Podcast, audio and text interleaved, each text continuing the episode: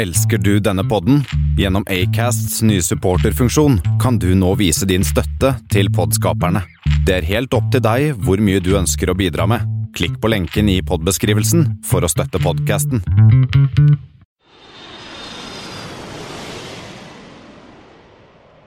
Hei og velkommen til Flypoddens eh, Flight 15, som vi har gitt tittelen 'Ingen har så dårlig tid som en daud laks'. Eh, og Det er fordi at denne gangen så har vi vært en tur opp på OSL og lært litt om flyfrakt. Kristian, har du vært noe på tur siden sist? Ja, jeg har eh, Forrige uke var jeg en tur i Tyskland. En, en liten dagstur ned til eh, Frankfurt for å besøke vårt kontor der nede. Eh, det er jo, Jeg tok den der 605 ned. Eh, jeg, prøver, Når jeg reiser, så prøver jeg å reise over dagen, slik at jeg ikke skal være borte så mye hjemmefra. Men hver gang jeg tar en sånn før sju-flight, så tenker jeg at åh, jeg skulle reist dagen før. Eh, men så har jeg blitt veldig god til å sove på fly, så jeg sov hele veien ned Frankfurt. Og da var jeg ganske pigg. Jeg satte meg ned og, og kjørte videre til Darmstadt, hvor kollegaene var, og da gikk det fint. altså. Og På vei tilbake igjen så hadde jeg liksom tid. Jeg ble ferdig før jeg skulle før jeg hadde tenkt. Og så hadde jeg seint fly, så da rakk jeg til og med å gå opp på takterrassen borte på terminal 2. Og fikk sett litt fly, da. Litt, litt større maskiner enn vi er vant til hjemme. Der var det 380-er og 350-er og 2428 og, og annet. Ja, og du er på tur nå, Kristian. Så hvis lytterne reagerer litt på at du har litt dårligere lyd enn vanlig, så er det fordi at du er på, sitter i Stockholm i, i kveld, gjør du ikke det? Jo, nå har jeg kom, fått et, et, ganske lite rom på Scandic Haymarket. Et veldig fint hotell, men jeg har altså et veldig bitte lite rom uten vinduer, så jeg føler meg litt sånn innestengt her jeg sitter. Men uh, wifien er fint og, fin, og det, er, uh, det har vært en, en, veldig fin dag i Stockholm. Jeg uh, tok jo raskeste veien til Stockholm i dag via København. og en liten ekstra rundtur der som vi kommer til å komme tilbake til. Det skal vi gjøre. Jeg har brukt siste uken på bookeflighter. Det har vært stille og rolig på kontoret, fått gjort masse som jeg egentlig aldri har tid til, så det er deilig. Eh, og så blir det fulgt opp eh, fram mot sommerferien, så det blir ganske fullt i slutten av mai og begynnelsen av juni.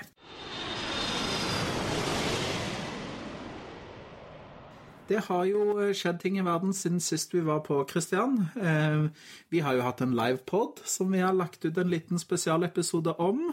Eh, men det har også skjedd ting i eh, nyhetsverden når man ser på flybransjen. Og en flyplass som du har vært på, og ikke så mange andre har vært på, Kristian, det er Fagernes. Den står i fare for å bli lagt ned nå fra 1. juli. Ja, Fagernes Leirin, uh, IATA VDB, for de som er interessert i det, uh, er, ligger jo nå an til at den blir lagt ned fra 1.7. Uh, Avinor sier at dersom ingen private aktører er villige til å ta over den flyplassen, så kommer de til å legge ned driften. Uh, og Det har jo ikke vært rutefly der siden 2016, tror jeg. Uh, og Hvis du ser på, på, på, fly, på statistikken fra Avinor, så hadde de i 2017 hele 29 ankomster på den flyplassen.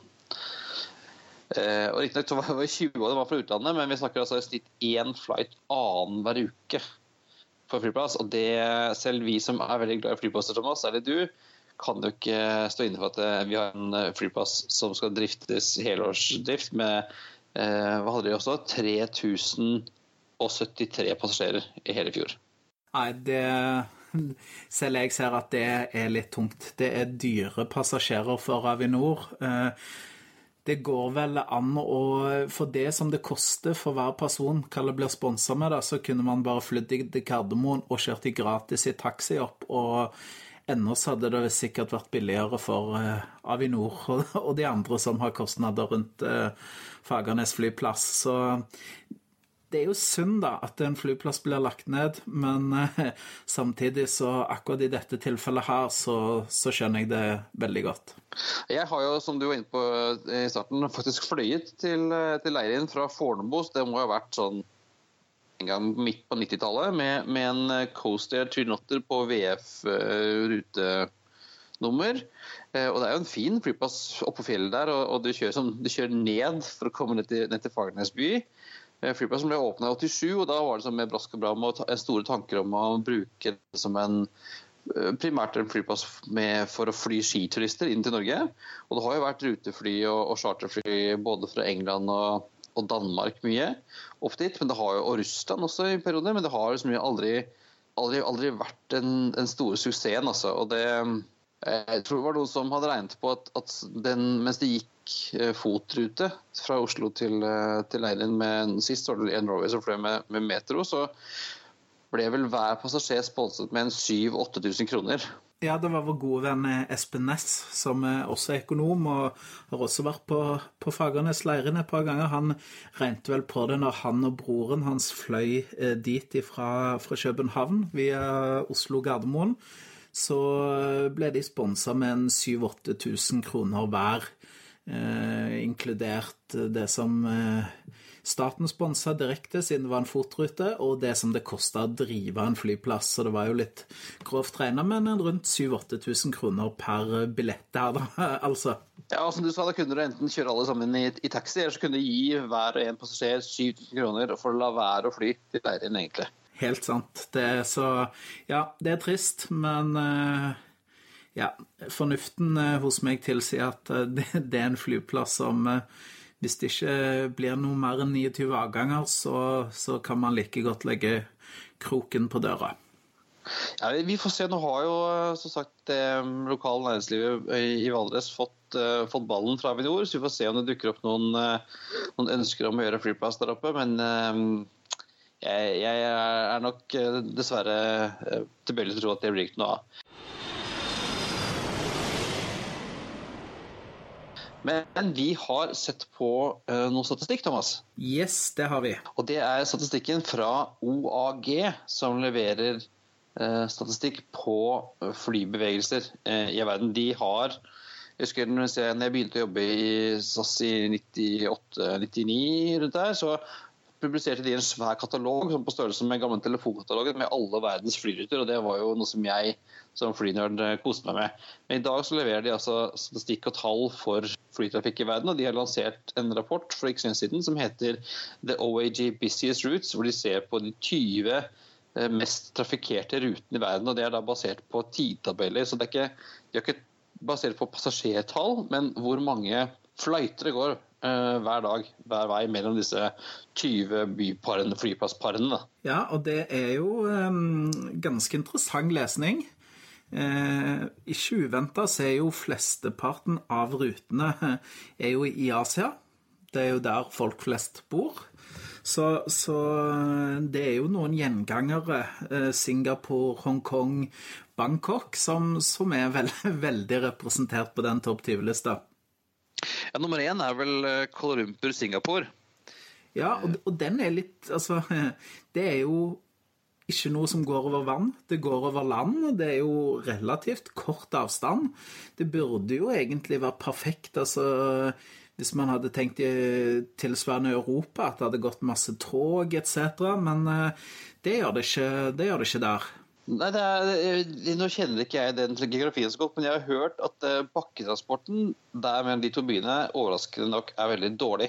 Ja, du har liksom to verdensmetropoler som ligger utrolig nære hverandre. Men mens ja, både buss og tog og alt sånn er utrolig dårlig mellom de to. Så, så, med det gode flytilbudet Det er jo hele syv selskaper. Det er AirAsia, Singapore Airlines, Malaysia, Malindo Airways, Silk Scooter, Jetstar som flyr de, de, de rutene mellom Kuala Lumpur og Singapore. Og, og det, man må huske her, dette er ikke noe Eh, secondary airports. Eh, nå er ikke dette så aktuelt i dette tilfellet, da, men det er kun primærflyplassene som, som det er snakk om her. Så det er kun mellom flyplassen eh, KUL, altså Kuala Lumpur, og Singapore.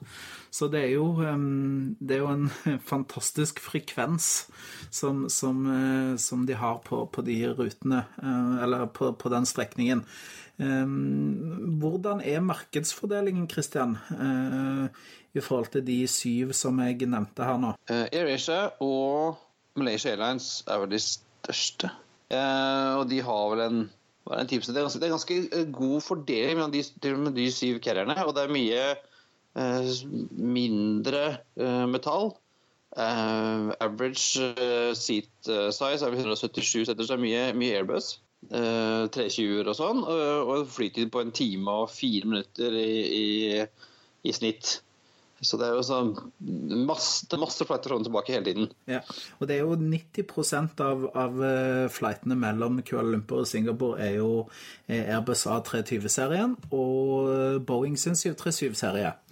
Eh, så det betyr at ca. 10% av flightene mellom byene der er wide jets. Det er hovedsakelig A330, A350-er og 787-er, som utgjør da de 10% som flyr flightene mellom Kuala Lumpur og Singapore.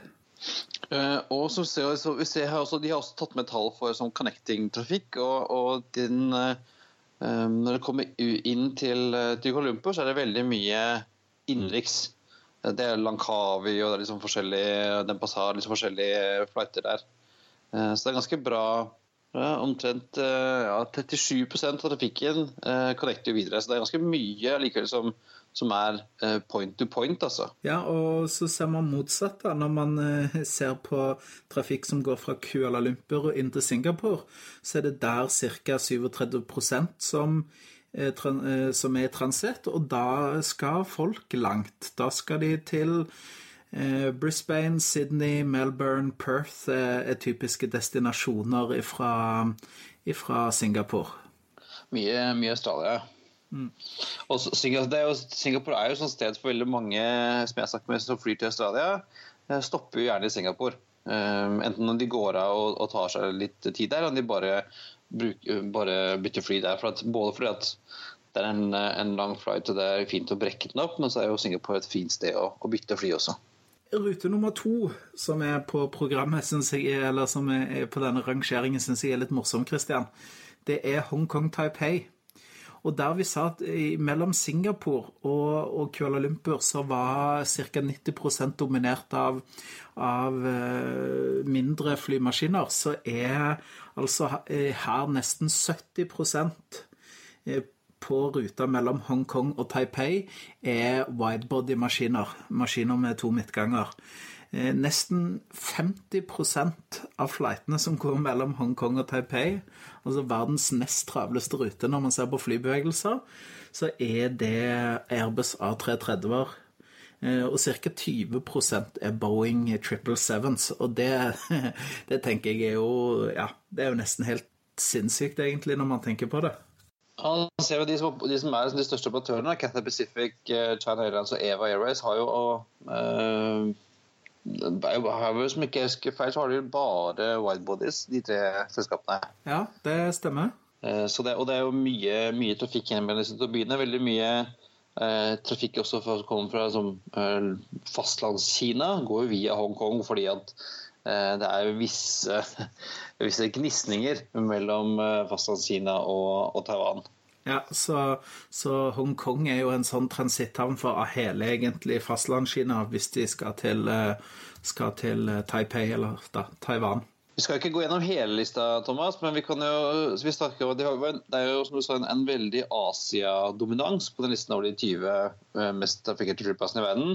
Og vi skal vel først ned på uh, 14.-plass for å finne en europeisk rute. Litt overraskende Dublin Heathrow. Ja, og da må man huske på igjen, dette er ikke snakk om alle flyplassene i London, det er kun London Heathrow. Eh, og der har vi jo eh, Vi snakket om, om eh, at det var eh, syv forskjellige carrier på, det, på Kuala Lumpur Singapore, og ganske mange også på eh, Taipei Hongkong. Så er det jo ikke så mye valg mellom Heathrow og Dublin, kan du si? Nei, det er det ikke. Eh, der er det enten Air Lingus eller British Airways, som igjen er eid av samme eier. Så der er det jo sånn i realiteten eh, et flyselskap. Ja, det er, så det er Oneworld for alle penga der. Og det er jo Så har vi den lista med, med hvilket flytyper som brukes. Og her er det 100% A318, 19, 320 og 321. For det er det som, som BA og, og Elengus gjør. Men det som jeg også syns er litt morsomt når man ser på denne Dublin-London-ruten, er jo connection-statistikken. Eh, I hver ende så connecter jo halvparten er jo passasjerer i trans, eh, transit. Og, og der er det nesten utelukkende USA enten så flyr man eh, London, eh, Dublin, USA, eller så flyr man Dublin, London, USA. Så, så det er jo eh, Man skal eh, Halvparten av de som flyr mellom de to byene, skal, skal, skal til USA, for å si det sånn. ja, det er jo mye, mye trafikk over der. og um, I gamle dager, når man fløy, så var det en sånn regel at man skulle man fra Dublin til um, USA, så måtte man via Shannon. Uansett. Ja, stemmer det. Uh, så det kan, man har vel lært irene at, at de skal connecte over rammen? Jeg vet ikke. Nei, men eh, mens man er inne på det, jeg tenker siste vi kan se på mens vi snakker om over dammen, er jo den ruta som kommer på 16.-plass. Eh, og der har vi en oversjøisk rute som er, som er vel er den eneste oversjøiske ruta som er representert i disse topp 20 eh, topp 20-statistikken, og det er ruta mellom John F. Kennedy-flyplassen i New York og London Heathrow. Det er jo, gull, det er jo gullruta, da. Det er det absolutt. Hvis du tenker at, hvis du tenker at rute, rutenettet i verden hadde vært et monopolspill, så har det jo Det er Rådhusplassen. Ja, det, det, vil jeg si. Um, men hva er den andre blå ruta? Hva er det som er Ullevål Hageby? Hva kunne det vært? Det vært, det vært Heathrow eh, Hongkong, det kanskje? eller? Ja, kanskje det. Ja, det er litt, litt, en liten digresjon her. Men ja. vi, kan, vi, kan, jo se litt på, på tallene i forhold til um, i forhold til JFK i London, da, kan vi avslutte med det, så er det jo um, Der er det jo fire carriere som er på den ruta der. Fire flyselskaper. Eh, det er British Airways, det er American, det er Virgin Atlantic, og det er Delta Airlines. Um, og det er utelukkende widebodies uh, som flyr den ruta der. Uh, en stor overvekt av uh, Boeing 777. Men de som trodde at uh, eh, 747-en var død, de kan jo kanskje fly JFK mellom JFK og London Heathrow. For der er jo faktisk over 25% av flightene er jo operert med 747. Det er jo både Virgin og BA som fremdeles har store flåter med 747-400 som, eh, som, går i skytteltrafikk over der. Eh, og det er, jo, det, er jo, det, er en, det er, jo, en, grunn til at, at, vi har bare disse fire carrierne. For at Heathrow er jo kanskje en av de mest uh, sånn slott-restricted flyplassene i verden. Og um, det er jo SAS tjente ganske mange millioner her for litt siden når de solgte et par slottpar på Heathrow. For det er, jo, det er jo real estate som er verdt mye penger. Det er jo veldig vanskelig å komme inn, eh, om ikke umulig å komme inn på denne ruta. Så det er jo på en måte de selskapene som alltid har vært der, fortsetter å være på den ruta. Um, de ser ut som de gjør det vel relativt bra. For uh, siste tolv måneder så har jo disse flyselskapene som trafikkerer da mellom JFK og London Heathrow, de har en, uh, en um, load-faktor på, på, en rundt 84% så de klarer å fylle flyene sine veldig godt. Og, og, vi vet jo det at det å fly mellom London og New York eh, kan være ganske dyrt. Ja, og, og, og som vi har vært litt inne på tidligere, så Heathrow er jo liksom det er jo indrefileten. Det er jo ikke den mest trafikkerte flyplassen i verden, men, men, den er jo veldig veldig populær. Og det å komme inn, komme inn der eh, er jo ikke lett. Og, og Fordelen for flyselskapene som flyr der, er at de kan ta ganske gode priser eh, på, på Heathrow. Hvis du sammenligner det med, med Gatwick f.eks., så jo, er jo prisen lavere der. Det er sant. Så, så, uten at vi har de dataene der, så vil jeg tippe at hvis man ser på yielden på de rutene der mellom JFK og, og London Heathrow, så er nok de ganske mye høyere enn det man har f.eks. mellom Gatwick og New York. Yes, og da Vi legger selvfølgelig denne rapporten ut i sin helhet på flypodden.no. For det er mye, mye interessant. og Vi kunne jo holde på en uke vi, Thomas, og, og grave i disse tallene her og se på sammenhenger og sånn, men uh, jeg tror vi skal beholde oss med disse. Ja, og folk, eh, folk gir jo oss kommentarer på at vi, vi, snakker for mye for lenge allerede, så vi, vi får holde prøve å og holde oss litt i skinnet her.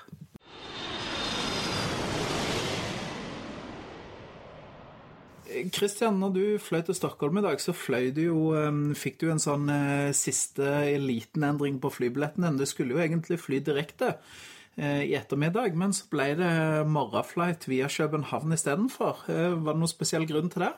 Ja, i løpet av helgen så ble jeg spurt nemlig fra min, gamle kollega eh, Knut Morten eh, Johansen, eh, også kalt Johs blant venner, om ikke jeg hadde lyst til å bli med og teste SAS sin nye superraske wifi eh, fra København. Um, og jeg sa jeg skulle så kom uansett, så hvis han bare satt, ga meg uh, en, ny billett via København, så skulle jeg godt gjøre det, sa jeg. Det var kjempegøy.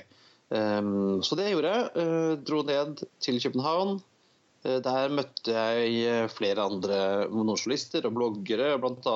Uh, vår venn um, fra, fra Hangard.no og um, Flemming og um, Mathisen til Aftenposten, som vi har snakket om før, og uh, ikke minst friend of the pod Hans Petter Nygaard Hansen, uh, som jeg tok en liten prat med. Og så hadde vi en liten presentasjon i loungen hvor amerikanerne fra, fra Viasat, som har stått, bak produktet, fortalte om, om dette. Og SAS er den første første selskapet i Europa som har dette nye superraske internett om bord, som er, er er basert på en sånn KA-banen-satellitt istedenfor QA-banen, som man har hatt før. Eh, som lover nå ti ganger så raskt internett om bord som tidligere. Du, jeg, jeg, har jo sagt til deg, Kristian, jeg var jo så heldig at jeg fikk prøve dette internettet på den eneste maskinen som går i Norge eh, per nå, som har det påskrudd. Og jeg sa det var dritbra. Eh, du har jo alltid en, en sunn porsjon skepsis. Eh, hva ble fasiten? Ble du imponert? Eh, ja, og det var alle som var om bord. Eh, ble veldig imponert. fordi at alle har jo testet eh, internett om bord på fly, og det er sånn ja, det går litt Det er litt eh, treigt, men uh, hva, hva, skal man forvente når man er 10 000 meter over lufta, liksom? Og sammenlignet med altså, wifi på Flytoget, på NSB, på ganske mange hoteller, så var dette her helt ekstremt kjapt. Det er Vi målte at man hadde sånn 12,5 megabit per sekund hver der oppe. Uh, jeg kjørte Jeg litt på Netflix. Streamet det fra ja, fra, takeoff, fra før takeoff, faktisk. For nå, dette er jo en, en, ny ting med dette wifi, at man har gate to gate. Så idet de lukker dørene, så kan du logge deg på.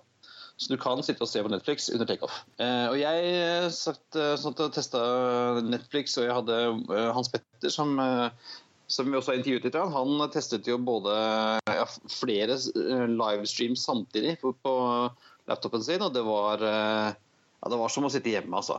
Vi har, eh, vi har gjort noen intervjuer og, og litt sånn stemning fra flyturen i dag som vi skal høre på nå.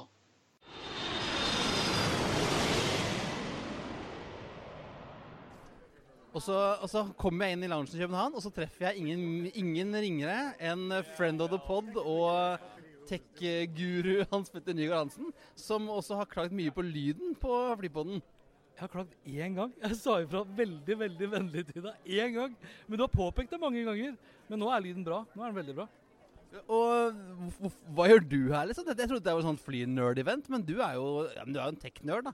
Der har du det. Ikke sant? Ikke nødvendigvis flynerd, men tech-nerd. Og så har vel jeg da påpekt overfor SAS et par ganger tidligere at jeg syns uh, wifien på loungene deres var dårlig. Så når jeg da fikk spørsmål om jeg hadde lyst til å være med her for å teste wifi opp i lufta, så var det jo veldig lett å si ja.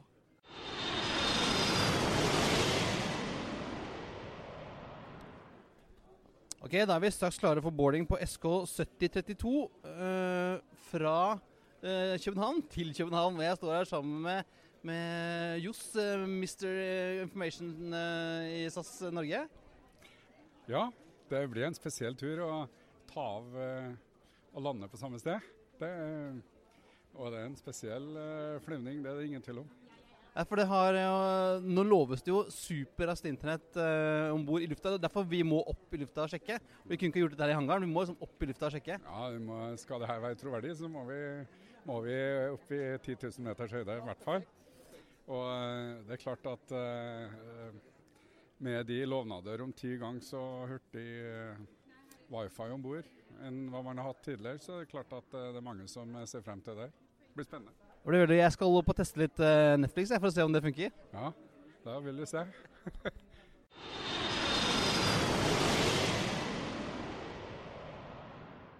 Det er helt sjukt, da. Ok, Hans Petter, nå sitter vi på 30 000 fot, og du var litt skeptisk når vi var på bakken i stad til eh, at det skulle bli bra, men nå hva, hva, hva har du på PC-en din nå? Det er også Nå sitter jeg og strømmer eh, Netflix, YouTube og NRK samtidig. Og speedtest fra Okla viser meg 12,5 megabit per sekund. Dette er på nivå med månelandingen, rent sånn teknologisk. Du, du, du er helt i himmelen, da? Ja, nå vil jeg bare fly. Nå vil jeg, jeg vil ikke hjem, jeg vil bare fly og strømme. Nei, men du, fra spøk til alvor. Det her er sykt mye bedre enn jeg noensinne kunne ha trodd at det ville være. De tjenestene de har valgt å blokkere, Dropbox, eh, Google Drive, diverse liksom, eh, hva heter det, Skype og FaceTime osv. er naturlige tjenester som ikke du vil tilby i et fly. Det er ikke naturlig. Det her er bare dritbra. Dette er best. Det er det beste jeg har vært borti. Jeg satt på takeover da og chatta med datteren min, og mens jeg så på Netflix. Ja, det ser du. Og det jeg holdt på å si jeg, jeg kommer, Ja, jeg kommer til å chatte, men da tekstchatte, ikke sant? Ikke, ikke voice. Nei. For jeg, jeg vil ikke ødelegge flyopplevelsen av å kunne sitte i privaten. Men nå trenger jeg jo ikke tenke på å laste ned alle filmene fra Netflix før jeg går om bord i flyet. Nå har jeg alt tilgjengelig, og det har jeg gratis med mitt uh, Eurobonus-kort. Eller så har jeg det for én flight for 49 kroner, tror jeg det var. Så de kjører ikke det her opplegget med en pris per time eller en pris per overførte megabyte. Det er bare én pris per flight. Det her, uh, det her tror jeg kommer til å bli en stor hit.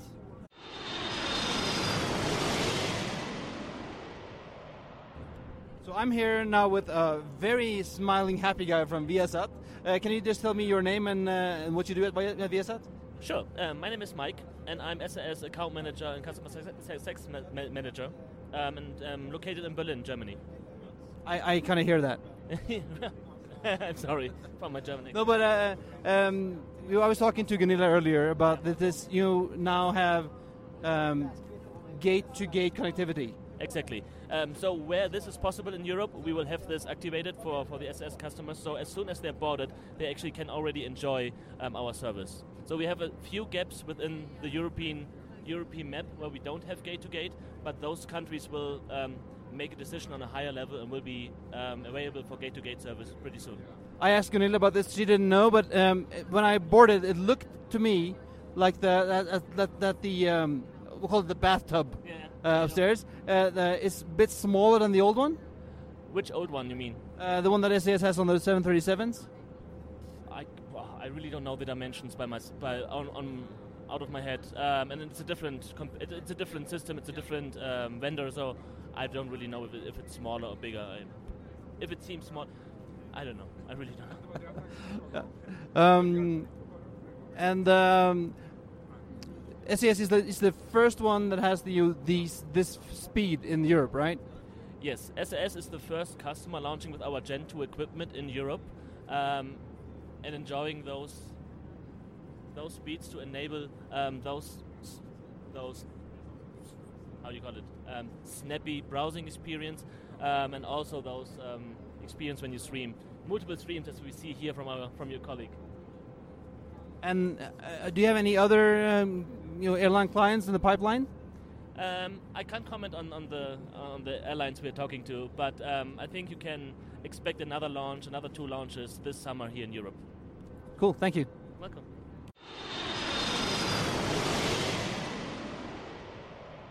Ja, og her var det jo god, god stemning, Christian. Ja, det var, det var, smil all around, både disse fra, fra Viasat og ikke minst eh, folkene fra SAS. Min, eh, min, gamle kollega Gunilla, som jeg jobbet sammen med eh, på SAS International, vi har jobbet med jeg jobbet litt med dette når vi, når vi innførte eh, wifi første gangen i SAS for ja, nesten ti år siden. Og Gunilla har holdt på med dette, dette, lenge. Og de har, som du sa, testet det litt allerede, litt under radaren. Det kommer til å, de kommer til å slippe pressemelding om dette den, på 16. mai. Eh, altså inntil det har liksom, dette vært liksom, litt under wraps. De har testet det, og de har kjørt mange flighter um, rundt omkring og, og, og, har åpent og fortalt passasjerene at her er det bare å kjøre på. Um, og, og de, var, de, er, de, er, helt sikre på at nå skal det virke. For det, man kan ikke lansere en wifi som ikke virker. Det har jo noen brent seg på før. Det er sant. Nei, men det, det blir veldig bra, og, og, jeg tror det blir utrolig godt for passasjerene som ønsker å være tilkobla å få den tjenesten her. Det er vel for pluss og gull Eurobondens gullmedlemmer oppover, så er det gratis. Der så er det gratis for eh, gull, eh, diamant og Pandion, pluss hvis du sitter i SAS Pluss. Og så er det 49 kroner per flight, eh, så man kan kjøpe så mange billetter man vil. Da, til, eh, og det, og det, altså, det er ikke sikkert man ville gjort det på en Stockholm-Oslo, men skal du til Las Palmas eller eh, Alicante eller Barcelona, så eh, kan det godt lønne seg å, å, bruke de 49 kronene for den ene flighten. De har jo ikke noe eh, spørsmål om lengde på flighten. Vi har jo ikke bare vært på, eh, på tur sammen med SAS. Vi har jo også vært på en omvisning på OSL og sett litt på fraktmaskiner og intervjua Martin Langås, som er sjef for eh, trafikkutvikling på, på frakt i Avinor. Ja, og bare en liten advarsel før, før vi spiller det klippet. så bestilte jo jeg en, en, mikrofon til bruk i felten. Som vi skulle bruke til å snakke med, med Martin med. Den ble ikke sendt på Flyfrakt, tror jeg, for den rakk ikke fram uh, til Flypodden Studios før vi gikk opp til. Så lyden er til tider ikke helt på topp, men vi er altså ute på tarmac med fly og lastebiler og alt mulig. Ja, så dette er jo så eh, autentisk og så nære en flyplass som det blir. Eh, så vi, vi kan jo høre litt på, på det.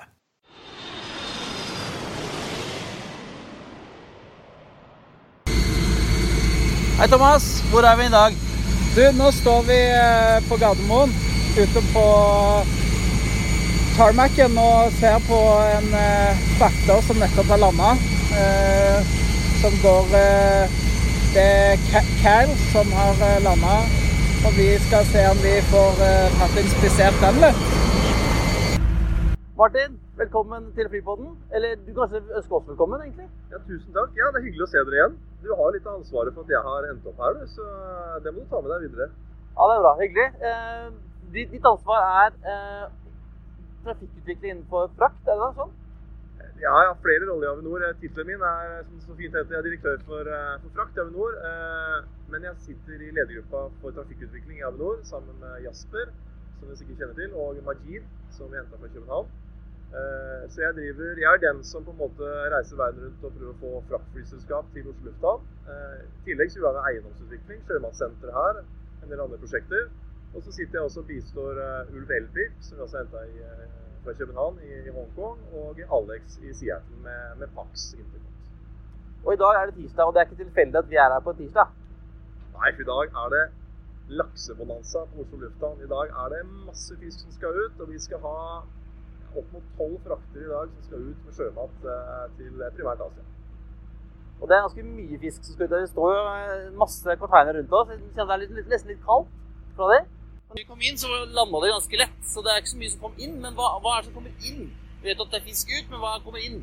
Ja, det er det som gjør det norske markedet unikt. Eh, fordi at den generelle eh, retningsbalansen mellom Europa og Asia er jo slik at eh, europeiske land importerer fra Asia. Men det er veldig lite de eksporterer som haster så mye at de må flyfrakt tilbake.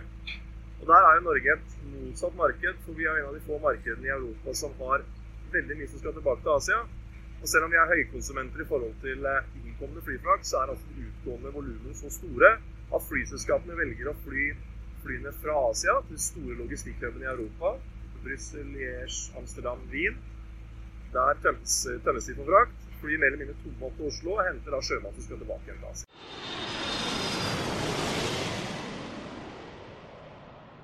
Nå kan du fortelle oss litt, Martin. Eh, hva er det vi, vi ser på her? Ja, Nå står vi inne i Kall sin 747 eh, som kommer opp fra Liège. Den skal videre til Tel Aviv. Og Dette er egentlig et veldig godt illustrerende eksempel på hvorfor vi gjør som vi gjør. Fordi at eh, Israel er en av de få landene i verden som kun tillater syv dagers salgstid på fisken etter at den er slakta. Ja, riktig. Så eh, det haster jo veldig å få fram eh, norske råvarer. Ja. Eh, og eh, inntil for ett år siden, for denne ruta her er nå ett år gammel nå i disse dager, så måtte all fersk norsk fisk som skulle til Israel, måtte med bil ned til Liège i Belgia, og så bli fløyet inn til Tel Aviv. Det betyr at når du kommer fram til markedet, så har du kanskje to-tre dagers salgstid igjen. Eh, så jobber vi pitch og fikk på oss eksportørene og gikk på selskapet. Og, eh, og fikk de inn her i mai i fjor. Og det betyr jo at den fisken som skal ut her i dag, den ble slakta i går. og er levert til Tel Aviv i kveld. Som gjør at du har fire-fem dagers salgstid på fisken istedenfor. For norsk sjømatnæring å få tilgang på denne type infrastruktur er jo helt essensielt for å kunne opprettholde konkurranseevnen til norsk sjømat. Så, så israelske Melodifestivalen-fans som skal se som spiser laks i kveld, de kan benke seg fra TV-en og spise fersk norsk laks. Det er helt riktig. Hvor viktig er det israelske markedet for eh, frakt ut fra Norge? Nei, Israel er jo en av de største. Jeg mener å huske at det er vel ca. 12 000 tonn som går ut eh, til Israel. Og så er det viktig å huske på, så mange glemmer, at altså, Norge er en ekstrem stormakt på flyfrakt. Altså, Hvis du legger sammen all flyfraktvolum i Norden og Baltikum, så er Norge dobbelt så stor. Og det er pga. sjømateksporten. Vi genererer nesten 600 tonn sjømat som flyfrakt hver dag. 365 dager i året i snitt. Som er kjempestort. Og det gjør at norsk laks er jo på vekt det største enkeltstående flyfraktproduktet i Europa. Ja, for En ting som vi har lurt litt på, er jo det at hvorfor er Oslo frakthuben i Skandinavia, ikke Stockholm eller København, sånn som man tror var litt mer eh, geografisk sett en bedre posisjonert eh, sted? Er det, som, er det fisken, eller er det ditt eh, nydelige arbeid, Martin? Jeg liker å tro det sistnevnte, men jeg skal jo være litt ærlig også. Altså, København er veldig bra geografisk lokalisert i forhold til å kunne samle opp frakt som skal altså Nord-Tyskland eller Skandinavia.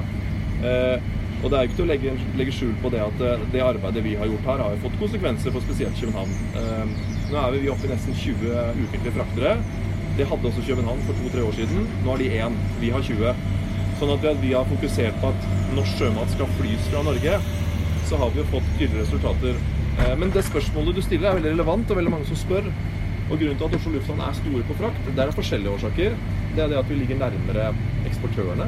Så, altså, det er jo det er ingenting som haster så mye som en daud laks. Så, så det er viktig å være eh, nær det produseres. Og så må fisken konsolideres. Det er jo sånn at hvis det går fra, så skal det gå tre, to fraktfly herfra i dag til Seoul. På de fraktflyene så er det jo kombinasjon av fisk fra hele landet til forskjellige eksportører. Så ett sted må du konsolidere. Så er det det med rullebanelengde. Det er at et fraktfly som er full med fisk, som skal til Asia, ja, altså det går nesten helt opp til maks takeoff-vekt, som gjør at du krever rullebane som er over 3000 meter, opp til 3400 meter. Det er å gå med retningsbalansen. Østlandet er det stedet i Norge hvor det lille av innkommende flyfrakt går til. Det er eh, nå det eneste markedet som har et eh, markedsgrunnlag for interkontinentale passasjerruter. Altså en del sånne ting da, som har gjort at det, det er eksportørene som ønsker at fisken skal gå til Oslo lufthavn. Um, jeg fikk et spørsmål da jeg fortalte at jeg skulle her i dag og snakke om frakt. Em, og det var litt, Kan du fortelle om hvordan fisken kommer seg til Gardermoen? For det var ikke logisk for mange. De lurte på ja, blir han flydd til Gardermoen, eller blir han transportert på bil eller tog? Hvordan kommer alle disse tonnene fisk seg til Gardermoen? Og drømmen min er å grave diker og elv da, helt ut til terminalen her, Ja. så vi kunne bare nappa de rett opp. Men eh, det, det kommer med bil. Eh, og fisken du ser her utenfor i dag eh, I dag går det vel ca. 600 tonn fisk ut fra Oslo lufthavn. Det har kommet inn i natt, og det meste av det ble slakta i går. Og da kommer det bil inn fra hele Norge.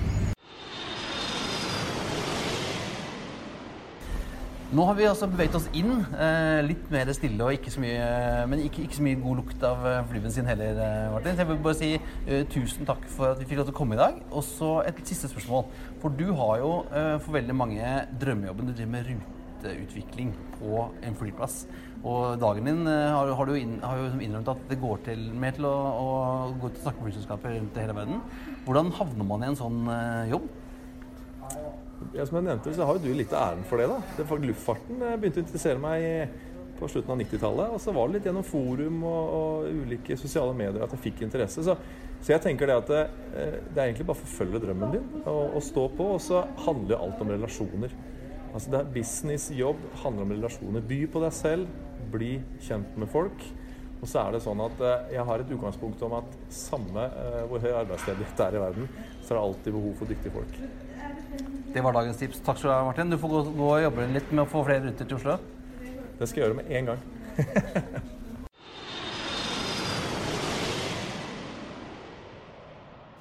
I dette intervjuet med Martin så, så, så er det jo veldig mye spennende som skjer, men det, det, det har jo blitt versert diverse rykter Kristian, i forhold til dette her med en, en rute til uh, Oslo fra, fra Kina.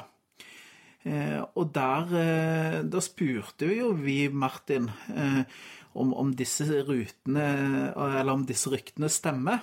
Og der var jo svaret at eh, ja, de ryktene stemmer. Det er jo faktisk Avinor har fått uh, forbud mot å um, bruke ambassaden og bruke de offisielle diplomatiske kanalene til å få til en rute mellom Norge og Kina.